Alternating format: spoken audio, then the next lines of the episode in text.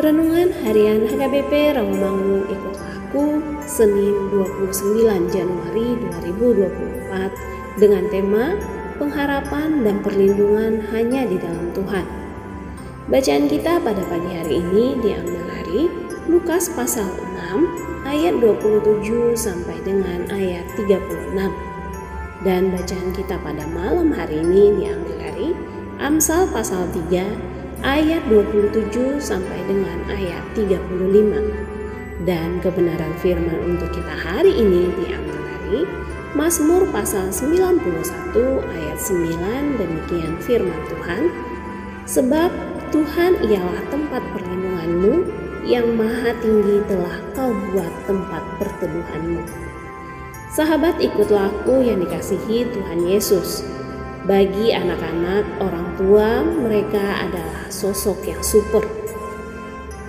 Apa saja yang bisa dilakukan oleh orang tua bagi mereka?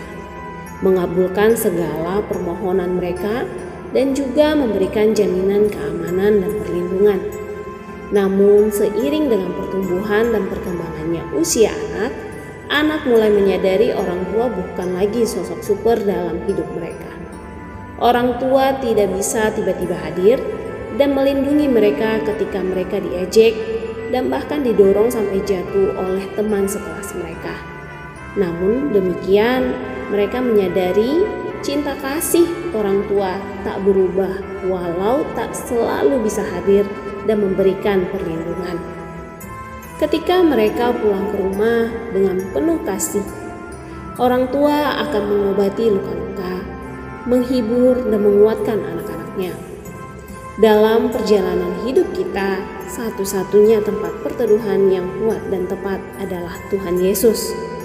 Selama kita hidup di dunia ini, kita tetap akan diperhadapkan pada berbagai ancaman kehidupan.